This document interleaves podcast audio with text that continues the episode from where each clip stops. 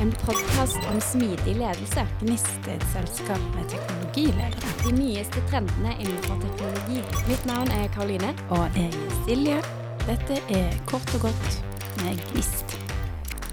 Hei og velkommen til ny episode av Kort og godt med Gnist. Mitt navn er Karoline Mortland, og jeg jobber som teknologirådgiver og nå også podkastvert i Gnist. Dagens gjest har en ganske imponerende CV. Hun har bl.a. jobba som leder for organisasjon og menneskeutvikling i Aftenposten, Circle K og Snøhetta, og er nå konserndirektør for mennesker og organisasjon i Posten-konsernet. Jeg har sjøl fått gleden av å være kollega med Nina, og kjenner henne som en veldig dyktig strateg med en varm lederstil, og et menneske som virkelig får hjulene til å rulle. Velkommen, Nina Yttervik. Tusen takk for koselig introduksjon, Karoline. Og Grunnen til at jeg har eh, hatt så lyst til å ta en prat med deg i denne podkasten, er jo at eh, Posten har gått gjennom en ganske stor omstilling eh, i måten man er organisert på, og måten man jobber på, som jeg tror vil være veldig til inspirasjon for mange andre eh, i virksomheter som står i lignende prosesser.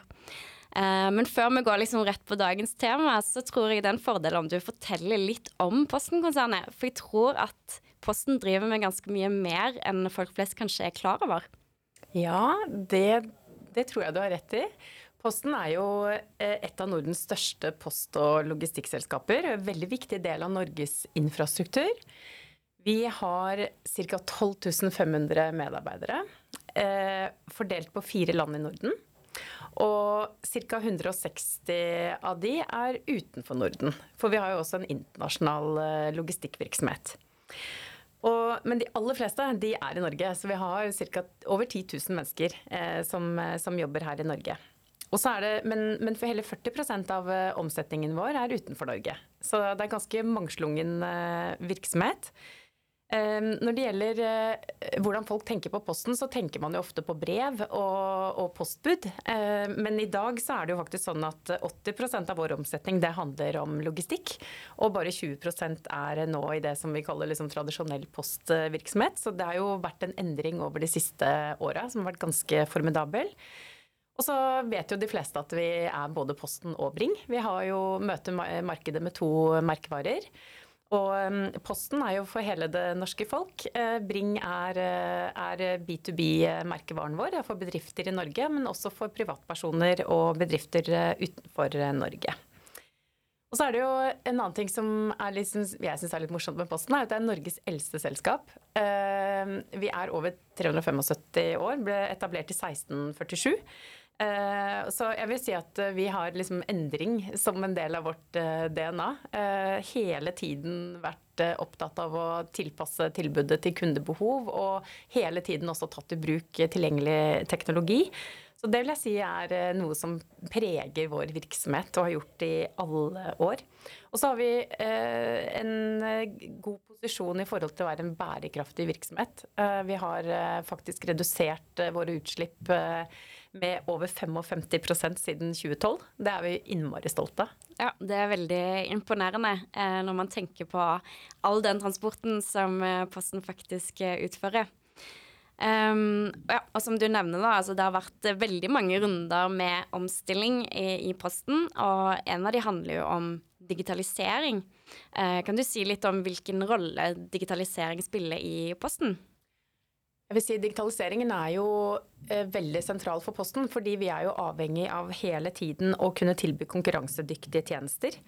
Um, og det er jo en stadig større del av kundereisen som handler om uh, et digitalt uh, grensesnitt. Uh, og, og, en opplevelse av Posten er i stor grad også digital.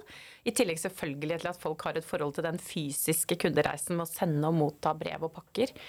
Men eh, det er også viktig for oss med digitaliseringen i forhold til å kunne jobbe mye smartere sammen fremover. Eh, med økt evne til å på en måte respondere eh, på det mulighetsrommet som ny teknologi gir.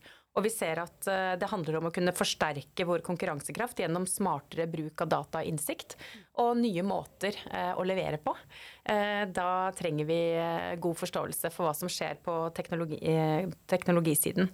Så jeg vil si at det blir en økende del av vår verdikjede også fremover. Med, og dermed også involvere mye digital tjenesteutvikling. Mm.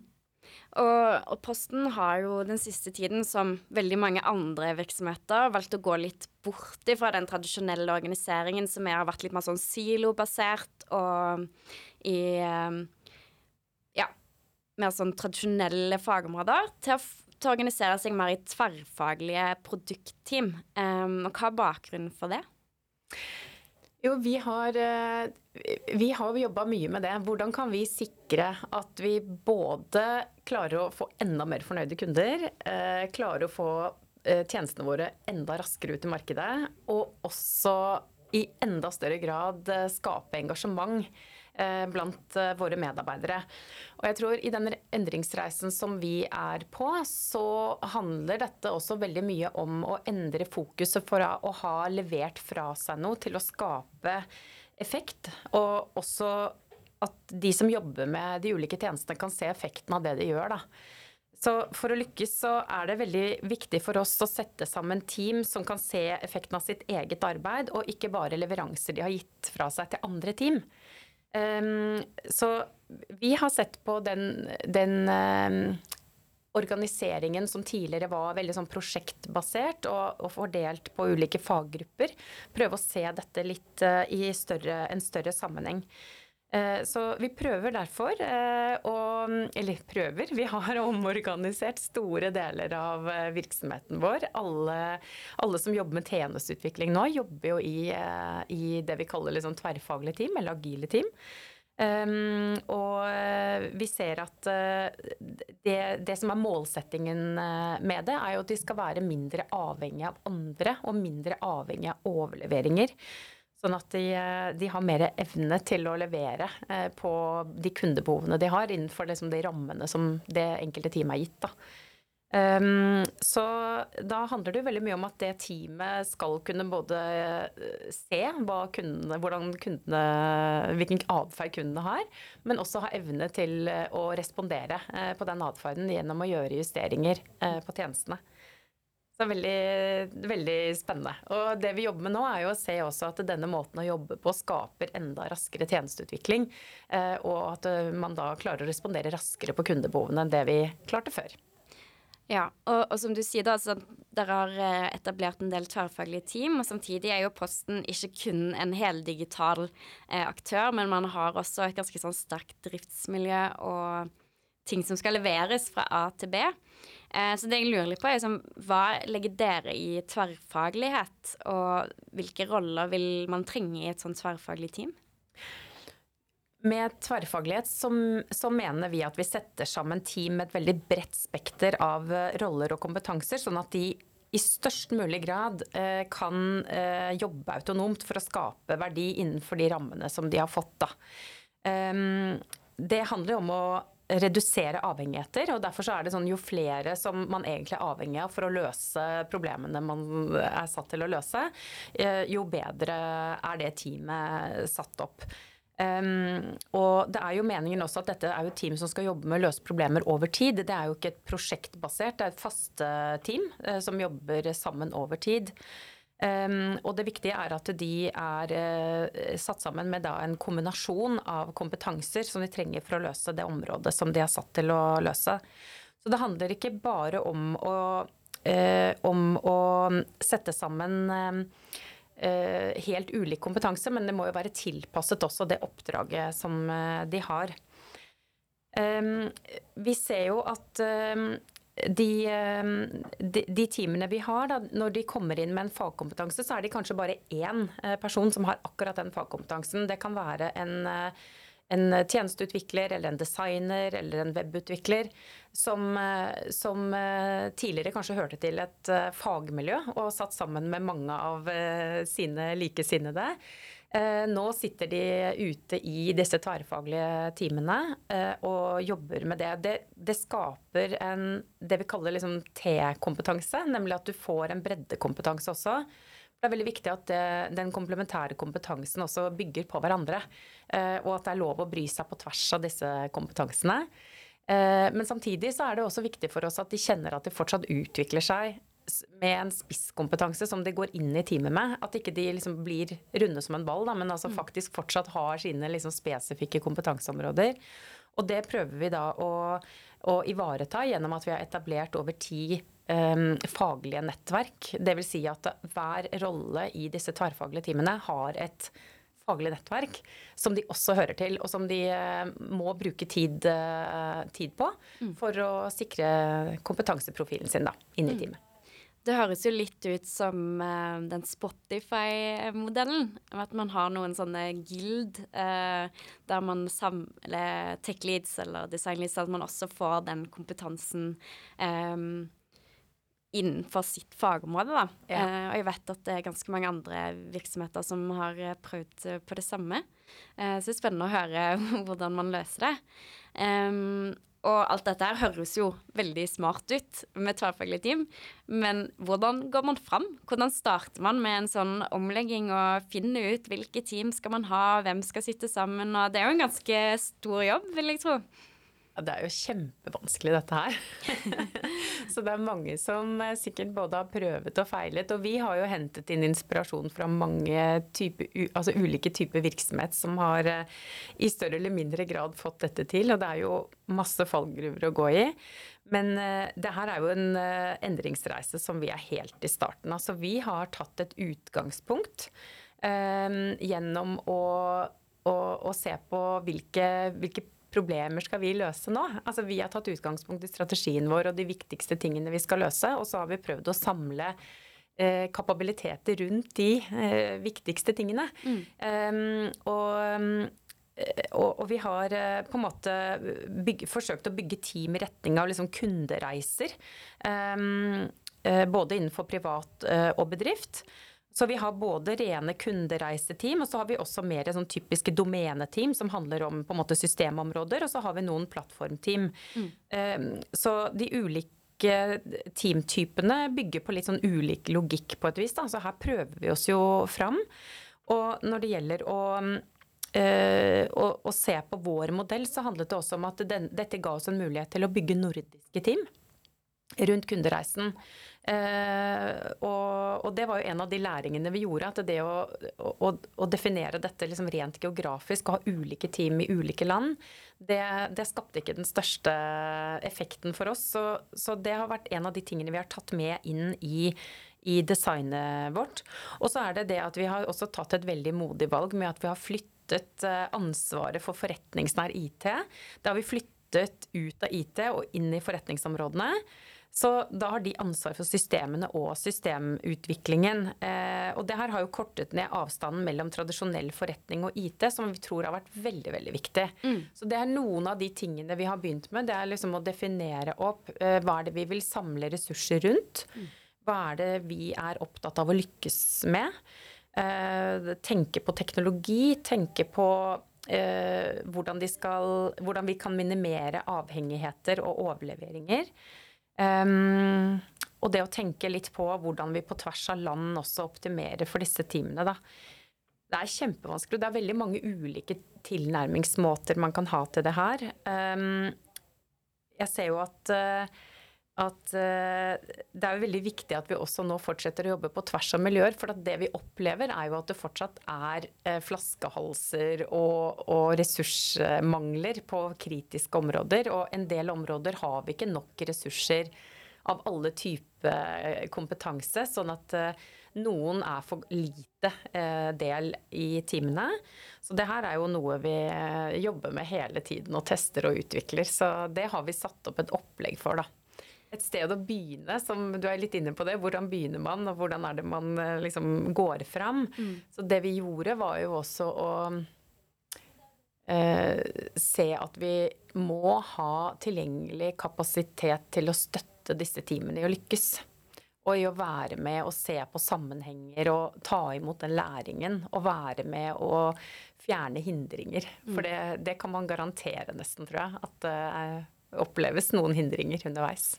Helt klart. Eh, og jeg syns det var litt interessant det du sa litt i, i starten her, med at dere kartla de viktigste initiativene eh, opp mot strategi. Um, kunne du sagt litt mer om det? For det tror jeg er noe veldig mange sliter med. er Hva skal man prioritere, og hva skal man nedprioritere? Altså, jeg tror kanskje det er den tingen vi fortsatt uh, må jobbe ganske mye med. Det å prioritere er kjempevanskelig. Det er så lett å prioritere noe opp og inn, og så er det utrolig vanskelig å ta ting ut, da. Men, uh, men, men vi har vel uh, sett at vi Ut ifra strategien så var det liksom noen ting vi har sagt at det, det må vi lykkes med. Og det å sikre at du har nok ressurser i stor nok kapasitet, da til å løse de viktige problemene, det er, det er, på en måte hele hensikten med dette. For de kan jobbe over tid eh, med en problemstilling som er viktig for oss eh, og for vår eh, suksess.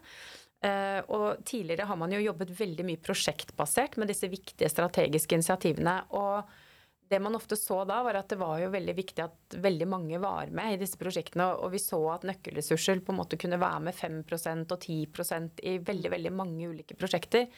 Det skaper jo ikke så god framdrift i disse prosjektene.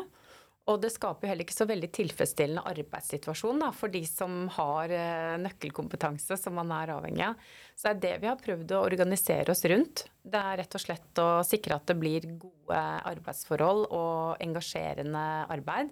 At de teamene kan eh, få se på effekten av det de gjør. Det, og at det ikke er så mange ventekøer mm. i, i systemlandskapet. Det er jo veldig motiverende når man faktisk ser at det man jobber med, får eh, resultater, og at man sitter og holder i det hele tiden. Ja. Um, men denne type team og denne type organisering, det fører jo til at lederrollen blir litt annerledes. Eh, det er også kanskje noen ledere som ikke har det mandatet de hadde før. Hvordan var reaksjonen fra ledere og medarbeidere når dere satte i gang med dette? Ja, det, var, det er jo en veldig stor endring. Jeg, jeg tror um, Jeg tror uh, en del som trives veldig godt med det, kanskje frykta det mer enn nødvendig. Og så er det noen som tenkte dette var da ikke så veldig vanskelig. Syns kanskje det er litt vanskelig. Og det vi ser, er at uh, Posten har jo liksom norgesmester i endring. Uh, det tror jeg vi kan si. Vi har, jo, uh, vi har jo endret oss gjennom 375 år og også nedbemannet kraftig med, med inngangen av helt nye måter å levere på og kommunisere på. Men i denne omstillingen her så var det nok egentlig ganske mye nytt. Det hadde ikke fokus på å effektivisere eller nedmanne. Det handler helt om en helt sånn ny måte å jobbe på. Og um, det som ble veldig viktig for oss, var jo å mobilisere og involvere underveis i dette arbeidet her. Um, og, um, og måten måten som vi etablerte ny organisasjon på, fikk veldig god mottakelse. Vi hadde en slags go-live av ny organisering i tverrfaglig team. Eh, 1.9. Eh, i fjor. Og vi startet egentlig hele omorganiseringen med å sette av en hel uke til en mobiliseringssprint. Og det ga både nye teammedlemmer og teamledere mulighet til å bli kjent. Eh, tenke gjennom eh, sitt mandat, eh, jobbe, jobbe, sammen om hvordan de skulle jobbe, eh, og fikk mye hjelp underveis til å etablere seg som team. Så det var på en måte Vårt fokus var jo å sjøsette dette her for å jobbe best mulig sammen helt fra start. Mm. og, og, en ganske stor investering å, ta liksom nesten 300 mennesker ut av daglig drift for å lære seg en ny måte å jobbe på. Mm. Men jeg tror det skapte veldig engasjement og trygghet for både ledere og medarbeidere. At de hadde tro på at vi både mente alvor med det, at det ikke var noe som kom til å gli tilbake etter tre uker fordi det var vanskelig, men at vi anerkjente betydningen av å bygge trygge, gode team med fokus på teamutvikling. Så det tror jeg ga en veldig trygghet også til de lederne som skal lede på en annen måte. For det vi ser er at det er en helt annen måte å lede på. Ja, eh, det, det er det definitivt. Eh, hvilke egenskaper tenker du at en leder i et tverrfaglig team bør ha? Jeg tenker eh, en viktig dimensjon er at teamet må kjenne på en veldig sånn sterk psykologisk trygghet. ikke sant? Man må føle at man kan prøve og feile, at man kan komme med ideer. At uh, den utviklingen handler om å være trygg på hverandre og utnytte styrkene uh, til de forskjellige ressursene i teamet. Og det betyr også at lederen på noen måter er eh, litt mer en fasilitator for den utviklingen og skaper egentlig autonomien i det teamet, da, gjennom å være en som kanskje utfordrer om du har gode nok hypoteser, mer enn at forteller deg hvordan du skal gjøre, eller hva du skal gjøre. Og det eh, Vi pleier å si liksom at du må være litt mer gartner enn byggeleder. Ja. og jeg tror veldig mange er veldig komfortable med den liksom byggelederen. At her har vi en plan, og den skal gjennomføres. ikke sant? Og dette er det vi skal gjøre, og dette er eh, tidsplanen vår og milepælene. og her må vi ha noe til å levere fra oss. Og det er en annen prosess. Det er mye mer, en mye mer smidig tilnærming til å se eh, progresjon. Og se um, at uh, man beveger seg i riktig retning. Og så handler det om å respondere på tilbakemeldingen man får. Og det der med å være god da på å sikre at teamet får riktig eh, informasjon da, eh, fra markedet. En viktig del av lederjobben. Eh, så man er litt mer en tjener for teamet enn man er eh, den som går foran og bærer fanen. Dette så jeg var første gang smidig ble nevnt, eh, som jo er litt morsomt, siden dette er et ganske sånn smidig eh, omlegging. Um, og apropos det, så vet jeg at dere har satt i gang et ganske sånn stort agile coach-program. Eh, hva er en agile coach? Eh, det er jo en som skal være med å hjelpe disse teamene å lykkes med arbeidsformen, eh, rett og slett. Og være med å um, identifisere um, hvor er det dette teamet opplever hindringer, og hvordan skal det teamet ta tak i de hindringene de opplever. Og det kan være alt som er knyttet til innsikt, eh, innsikt til da, altså tilgang til data. Det kan være ting rundt teknologi. Eh, det kan også være samarbeidsformen og seremonier i teamet som må på plass for at teamet skal fungere optimalt. Det kan også være eh, hvordan man hjelper til med å ta en, en innsjekk i teamet for hvordan de har det. En sånn helsesjekk. Mm. Så det er en coach som skal være en, en bidragsyter til at teamet maksimerer sin prestasjon. Uh, og det har vært viktig for oss at vi bygger den typen kapasitet for at Posten skal lykkes med denne arbeidsformen. Så har vi også um, fått på plass en god del veldig dyktige agile coacher. Og i tillegg til å ha noen spesialister, så bygger vi intern kapasitet på dette.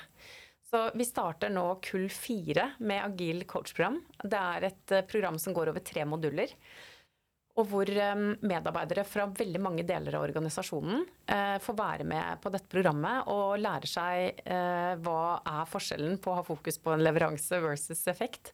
Hvordan eh, setter man gode mål? Hvordan bygger man OKRs? Hvordan, hvordan kan du bruke en annen tilnærming og mer smidig tilnærming til å løse ulike problemer? Og det er helt fantastisk. Nå har vi altså hatt uh, snart 100 mennesker gjennom vårt Agil Kors-program. Og det skaper så ringvirkninger, ikke bare for de som er direkte inne i disse tverrfaglige teamene, men også i alt omkringliggende. Vi har flere HR-medarbeidere som har deltatt i programmet, og som også på sin måte er med å støtte disse teamene. Men de er også med på å tenke helt nytt eh, om hvordan de skal jobbe. Mm. Vi har folk ut i drift som ikke på mange måter jobber sånn tverrfaglig team til vanlig, men som kan bruke mange av de verktøyene til å jobbe smartere for å løse problemer. Og det er så inspirerende å komme ut i organisasjonen og høre om hvordan de nå har tenkt annerledes om å løse problemer, og se den effekten de oppnår. Og det skaper jo veldig eierskap. Og kjempegøy å se hvordan dette får effekt utover akkurat de tjenestetimene. Ja, Det er veldig kult, og det viser jo at dere mener alvor, som du nevnte tidligere. At man faktisk, eh, dette her er viktig for å lykkes, og at det er såpass mange som får den kompetansen. Um, og så lurte jeg også litt på, eh, Hvordan har dere løst det her med personalledelse? Jeg vet at det finnes jo ganske mange modeller for dette. Eh, Nav har jo sin måte å gjøre det på. Eh, NRK har sin måte å gjøre det på. Eh, hvordan gikk dere fram her? Det her var egentlig kanskje en av de tingene som vi hadde ganske mm, sterk mening om eh, når vi startet. Um, men av ulike grunner så valgte vi liksom to forskjellige modeller, litt avhengig av hvor uh, teamene var.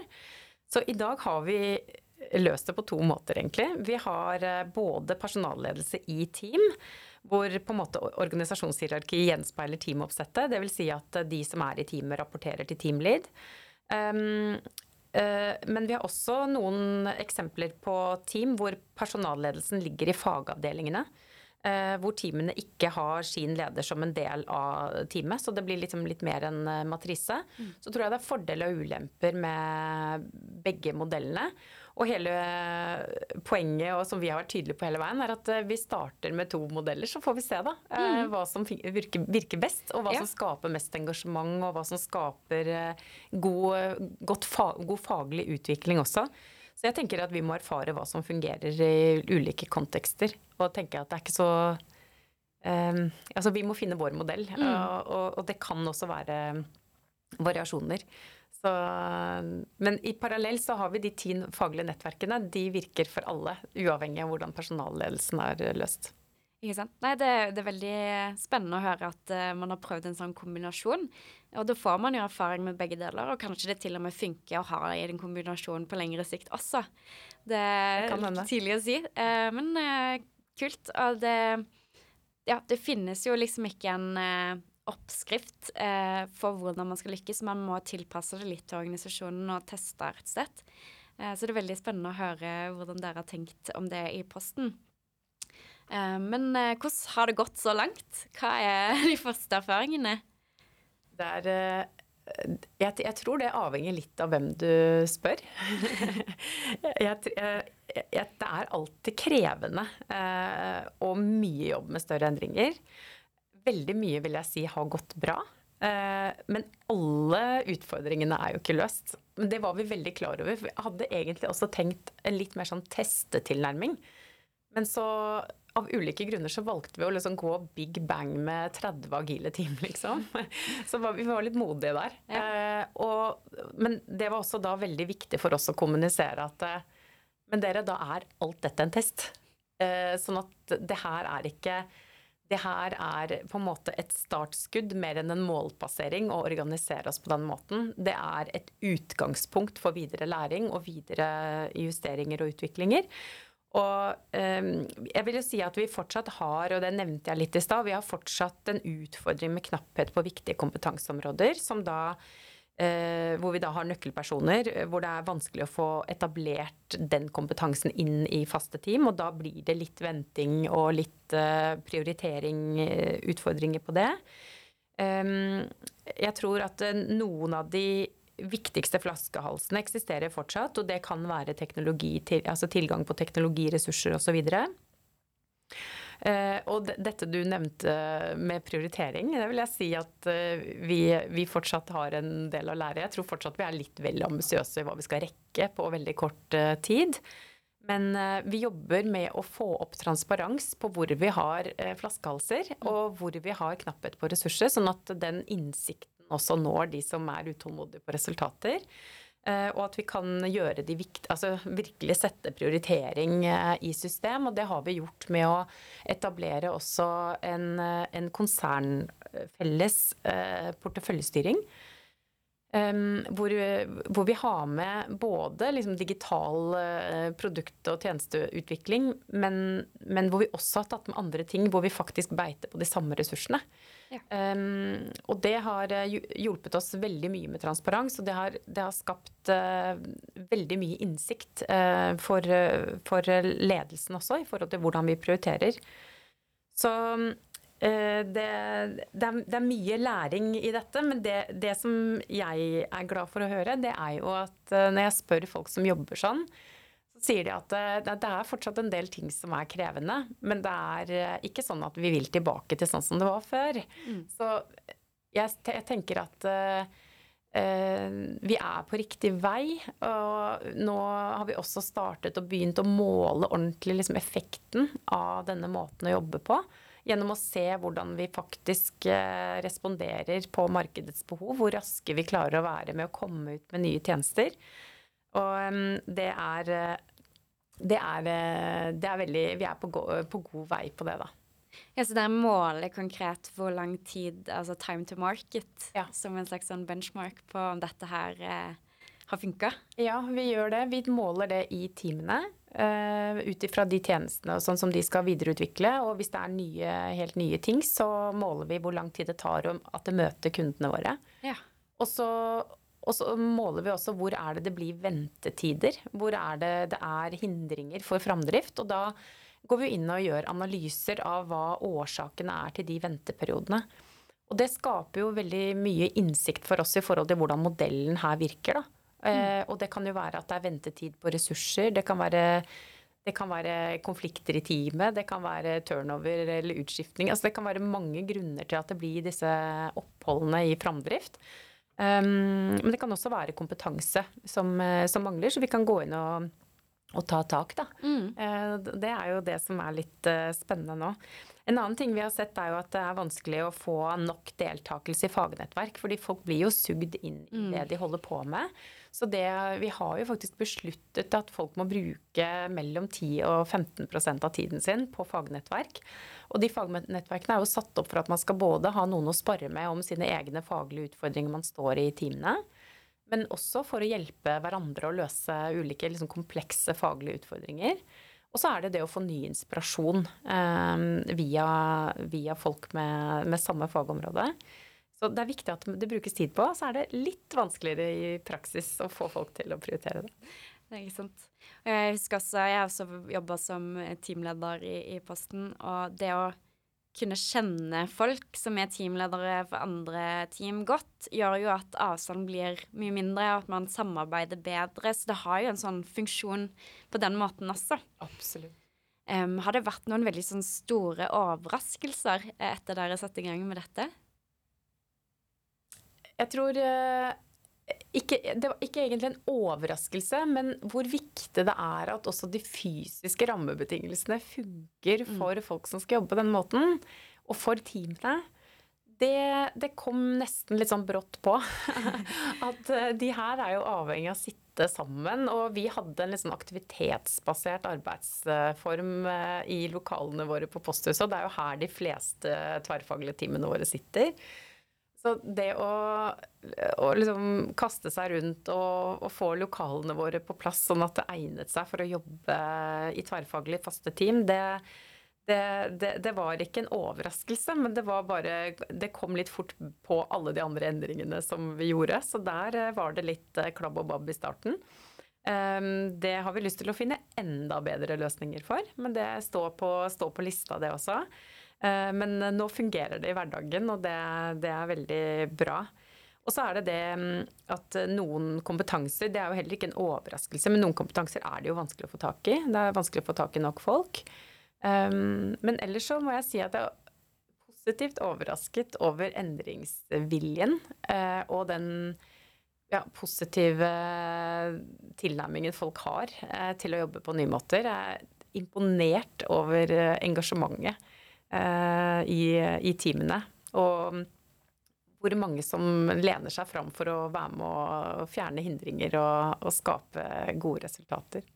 Veldig kult. Så dere måtte rett og slett ommøblere litt? Måtte ommøblere. ja. Det er litt uh, overgang også for å sitte så mye på hjemmekontor i pandemien, og så plutselig skal man være samlokalisert og helst ha fasiliteter som funker, da. Absolutt. Uh, veldig inspirerende å høre på. Eh, har du noen tips til organisasjoner som skal gjennom eh, det samme? Ja, jeg tror en av de tingene som vi var veldig opptatt av er eh, suksesskriteriet, det er jo også at toppledelsen har forståelse for hva dette betyr. fordi det er jo ikke bare disse teamene som må endre måte å tenke på. Det er jo også vi som sitter og tar de strategiske valgene og, og tar beslutninger. Fordi det vi ser, er at eh, den, det, det vi beslutter, og måten vi beslutter på, påvirker også kulturen. Det her er en stor kulturell endring. Um, det vil fortsatt være ledere som er vant til en liksom, vannfallsmetodikk og, og, kjenner at det er det de er gode på og det de kan. Og noen områder så brukes det fortsatt på store investeringer og byggeprosjekter. Så det der å klare å være litt sånn hybrid i måten å tenke på rundt uh, utvikling, det er en modningsreise for alle, da. Det brukte vi ganske mye tid på i konsernledelsen. At uh, det her var noe vi ville gjøre. Jeg tror det er veldig viktig at det eierskapet er liksom forankret eh, på toppen. Fordi det er vanskelig. Eh, Mm. Nettopp derfor er det viktig at man også anerkjenner at det er et krevende arbeid som tar tid. Og så må man på en måte eh, holde fast ved at man ikke får de store resultatene med en gang, men at man kan prøve å måle at vi går i riktig retning. Da. Så vi har vært opptatt av å etablere noen sånne ledende indikatorer. Eh, Ikke nødvendigvis liksom tro at resultatet eller sluttresultatet kommer en gang, men at det er noen ledende indikatorer som viser om vi er på riktig vei, og som også gjør oss i stand til å ta prioriteringer underveis på om vi tror dette lønner seg eller ikke å fortsette med. Så det er liksom viktig at man tenker at det her er ikke noe man blir ferdig med. Det er noe man hele tiden utvikler og skrur på. Og så tror vi det er viktig dette med den interne endringsmuskelen. Og, og anerkjenne at det er en stor endring for mange, men at det også da blir satt uh, støtteressurser til. Så disse agile coachene og det programmet som vi har investert i, det tror vi er en viktig suksessfaktor uh, for dette. Uh, Da har vi liksom Da får vi på plass ambassadører og endringsagenter og agile teamcoacher som kan være med og bidra.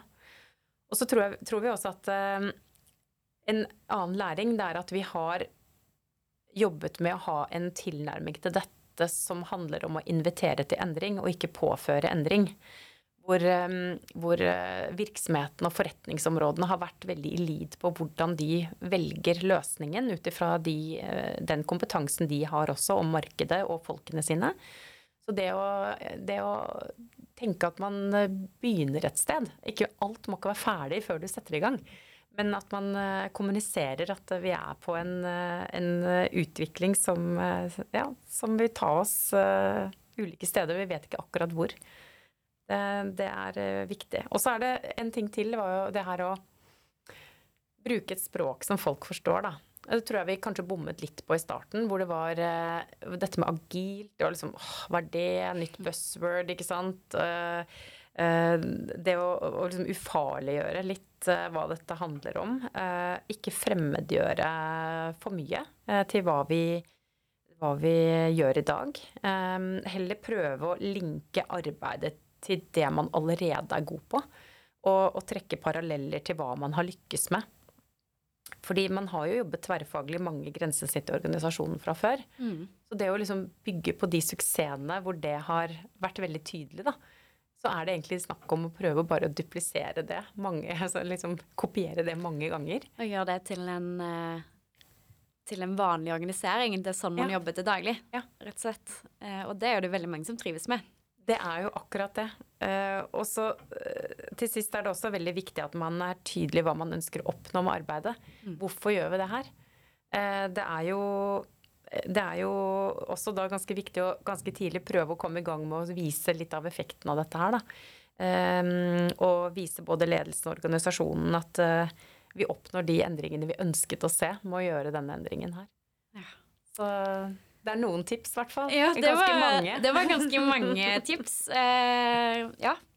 Det tror jeg blir veldig nyttig for mange av de som hører på denne podkasten. Uh, er jo typisk i den type roller er det, og organisasjoner der man står i litt lignende prosesser. Fordi det er så Det er jo det som har vist seg å funke. Eh, så mange vil jo kopiere den eh, måten å jobbe på, både fordi det øker trivselen, fordi det øker time to market, um, og rett og slett er litt mer fremtidsretta. Ja, og ikke minst eh, skape enda bedre kundeopplevelser. Mm. Det er jo eh, til syvende og sist eh, kundeopplevelsen eh, det handler om, samtidig som man skal ha det gøy på jobb. Det er veldig viktig. Det henger, det henger litt sammen, ja, begge deler, altså. Det gjør det. Nei, tusen takk, eh, Nina. Det var utrolig hyggelig at du tok deg tid til å komme i denne podkasten og dele litt av reisen. Og så må jeg bare ønske masse lykke til videre. Tusen takk, Karoline, og takk for at jeg fikk komme. Vi får ta en sånn eh, oppfølgingsepisode om et år, og så se om det har skjedd noe nytt. Det har du garantert. Ja. Yes, dette var kort og godt eh, med Gnist. Tusen takk for at du hørte på. En podkast om smidig ledelse. Gnist er et selskap med teknologiledere. De nyeste trendene innenfor teknologi. Mitt navn er Karoline. Og jeg er Silje. Dette er kort og godt med Gnist.